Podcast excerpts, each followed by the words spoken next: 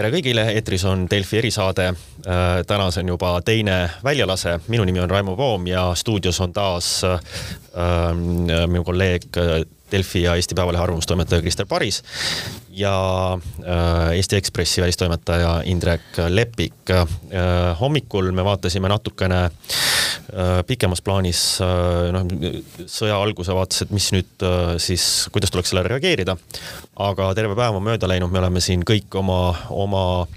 otstest veetnud väga kiire päeva toimetuses,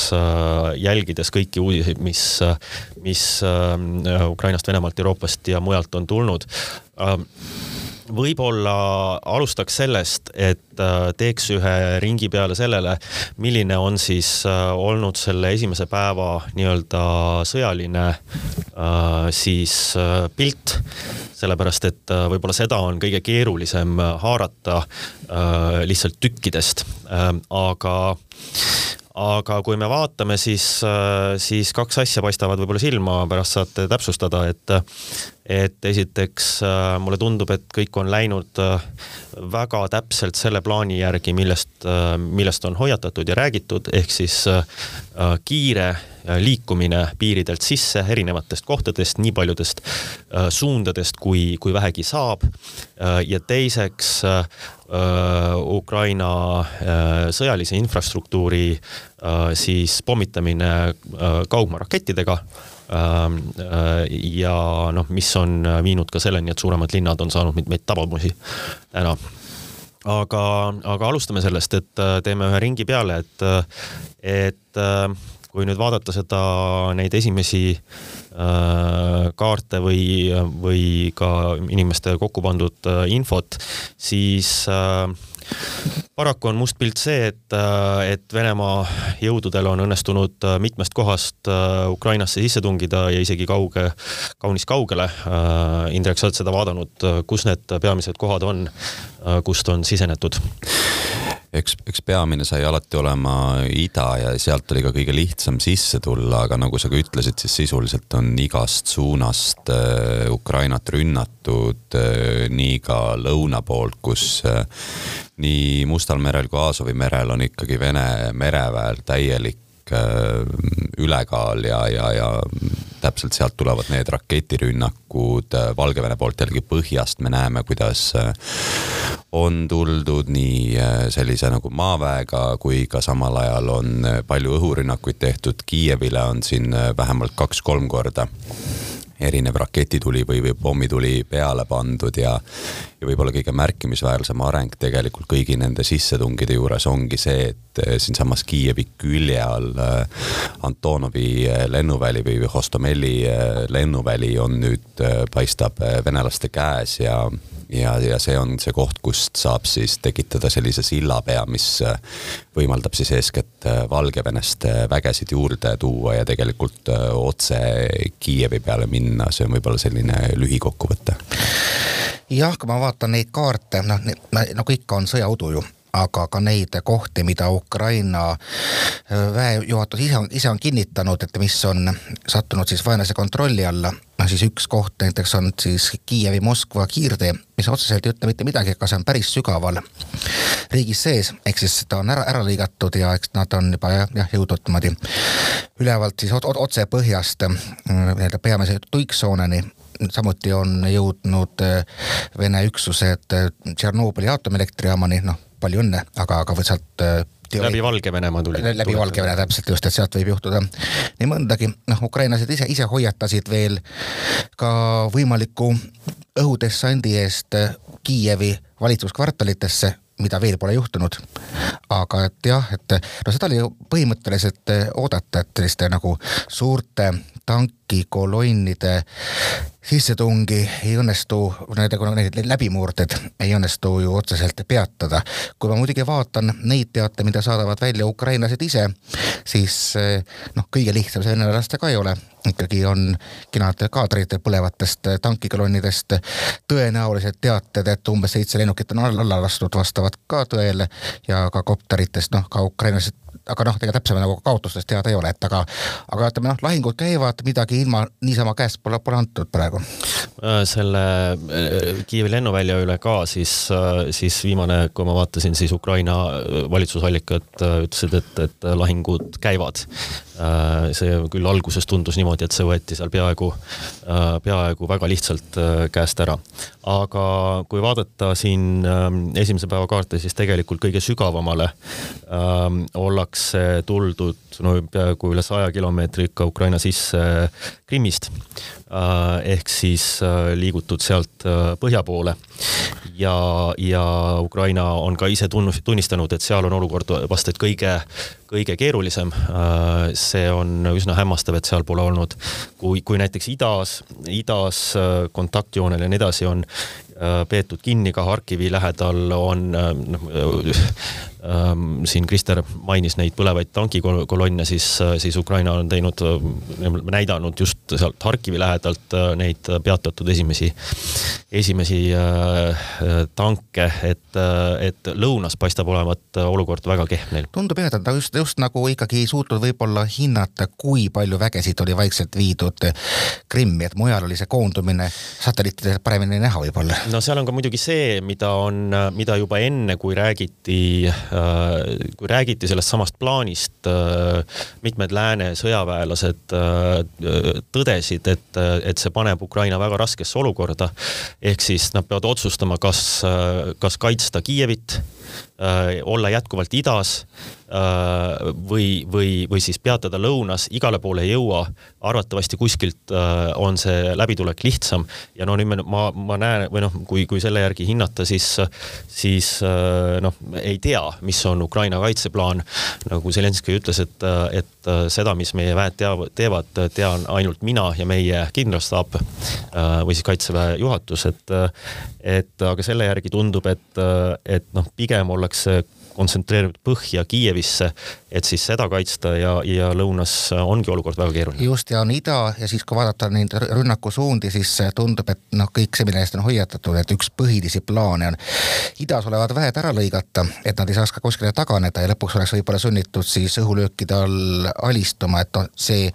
plaan on praegu Venemaa poolt vaadates realiseerumas, eks kõik sõltub ju kokkupuutes vaenlasega, ehk siis meie, meie poolt vaadates siis Ukraina armeega. jah, ja eks siin on on päeva jooksul olnud ka teateid ju sellestki, et äh, Moldova seal ähm, Transnistria nii-öelda vabariigis, äh, mida ju samamoodi Vene väed tegelikult kontrollivad, et ka sealt on tulnud siis eelkõige Odessa suunas äh, lööke. et, ähm, et selles mõttes seda oli enne sõda teada, et Ukraina õhutõrjevõimekus on madal ja, ja seetõttu me olemegi näinud väga palju neid rünnakuid just ähm, õhu kaudu, aga, aga jah, tasub ka märkida ju seda, et ehkki need Vene väed on sisse tulnud, siis ühtegi suurt keskust ei ole ju tegelikult okupeeritud selles mõttes, et, et kõik alustades Harkovist, aga, aga Kiievini välja, et tegelikult linnad on ukrainlaste käes ja, ja, ja see on selge, et et äh, üht linna okupeerida, eriti praeguse Ukraina kontekstis, on erakordselt keeruline. Samas äh, nüüd vaadates päeva jooksul neid arenguid just linnadest ja sealt tulevaid teateid, siis, äh, siis see olukord on muidugi äärmiselt, äärmiselt murettekitav, sellepärast et no mida me näeme, näeme seda, et inimesed üritavad linnadest väljuda selgelt, tsiviilisikud, näeme ka seda ju täiesti enneolematuid pilte Ähm, äh, noh, mida pole, pole, ei kujutaks ette rongijaamadest, kus inimesed tunglevad äh, Odessas, Kiievis äh, metroost, kus olla, sisuliselt pommivarju on mindud. et, et see olukord on ikkagi, need ootused on äärmiselt karmid seal. no ja nii palju, kui ma olen suhelnud inimestega seal kohapeal, siis ka kõik need, kes ütlevad, et ega me ju ei karda ja me hakkame vastu, aga valdavalt minu tuttavad kõik ikkagi mõtlevad, et kuidas sealt nii-öelda linnalisest keskkonnast välja saada, kuskil, kuskil eemale natukenegi ohutamasse kohta, ehk siis noh, et tegelikult ikkagi veel ütleme eilsel päeval öö,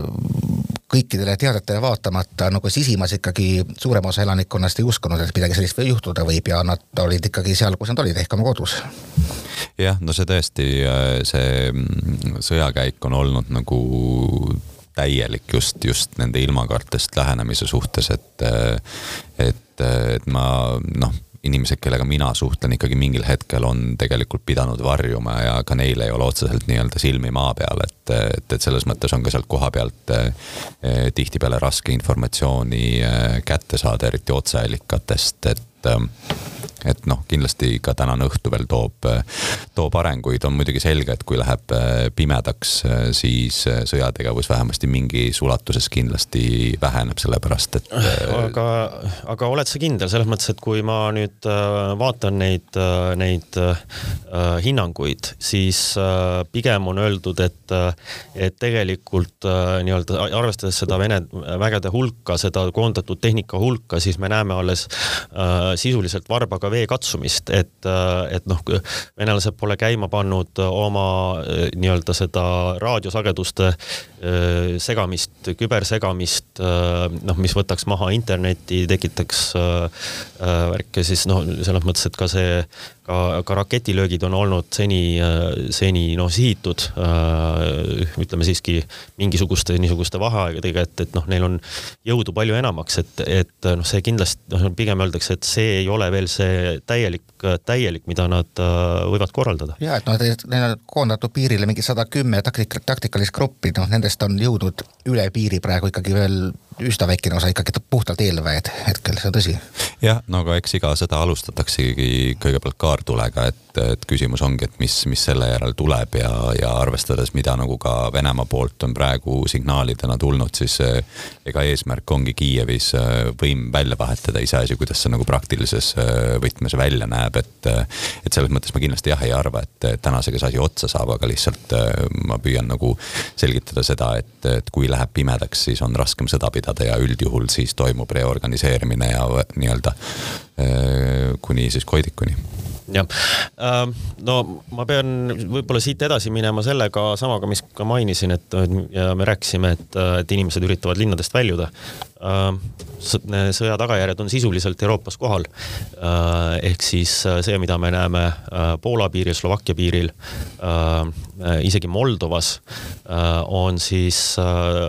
tohutud hulgad inimesi, kes üritavad üritavad äh, eemale saada sellest, et, äh, et see, see küsimus on, ongi olemas nüüd Euroopal Äh, kuidas, kuidas sellega toime tulla? esialgu vähemalt, ähm, nii palju, kui ma olen aru saanud,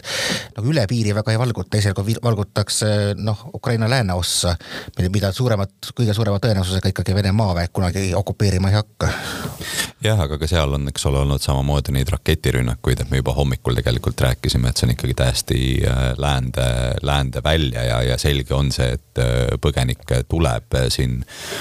alustades suurematest riikidest, Saksamaagi on öelnud, et mõistagi mõistagi nad on valmis äh, aitama, aga siin on väga palju selliseid ähm, reaalseid logistilisi ülesandeid, mis on tarvis lahendada, et äh, Ukraina on suur riik ja, ja, ja mööda noh, me näemegi ju seda, kuidas Kiievis on ikkagi autod äh, lihtsalt noh, pea kilomeetrite pikkuselt ummikus, et, et, et kõige hullem, vaadates ka, mida praegu ähm, venelased teinud on just äh, ka kortermajade näiteks äh, pommitamisel, et, et kõige hullem on ka ikkagi see, kui äh, tsiviilelanike pihta see tuli tuleb, et, et siin ei pea isegi seda tahtlikult tegema, et väga paljud ka need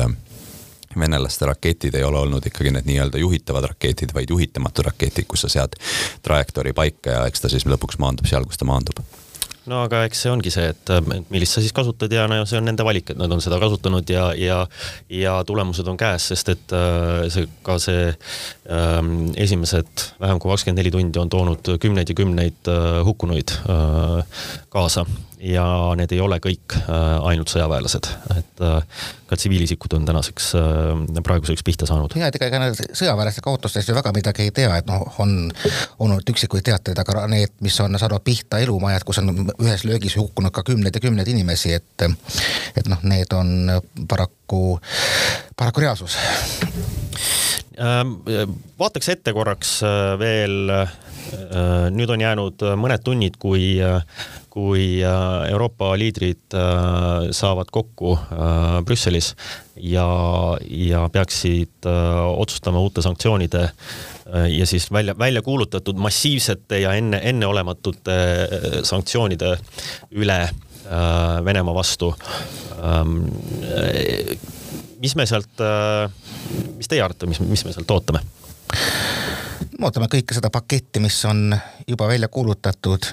noh alates kasvõi panganduse äralõikamisest ja puha ja millega Venemaa on arvestanud. et kui siin ka näiteks eurosaadik Yana Toom on öelnud, et ega Venemaa neid sanktsioone ei karda, siis ma kardan, et kõik see, mis on siiani arutatud, on arutatud läbi ka Kremlis ja leitud, et esialgu saame hakkama. et esialgu see midagi nende suhtes nii-öelda heidutavalt ei mõju. jah, ja siin ongi see küsimus, et mis on Euroopa pikk plaan, sellepärast et see on selge, et sanktsioonid töötavad just siis, kui sellega on võimalik Vene riigikassa põhimõtteliselt kuivaks tõmmata, sellepärast et me oleme ka hommikul rääkinud neist reservidest, aga aga lõppkokkuvõttes noh sõjapidamine on ka kallis tegevus, et ja, ja samamoodi Venemaa tegevus toormeturul, et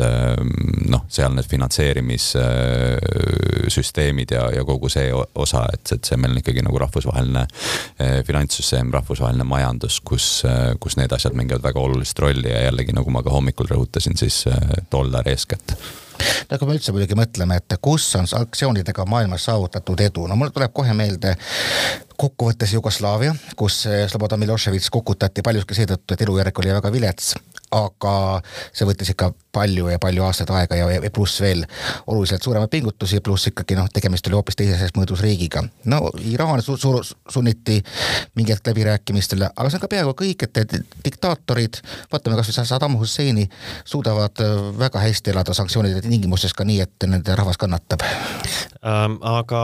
kas äh, venelased on valmis äh, kannatama, kuidas on olnud Venemaa reaktsioonid, Vene, reaktsioonid Venemaal, ütleme niimoodi, sellele sellele sõja algusele äh, seni, et äh, no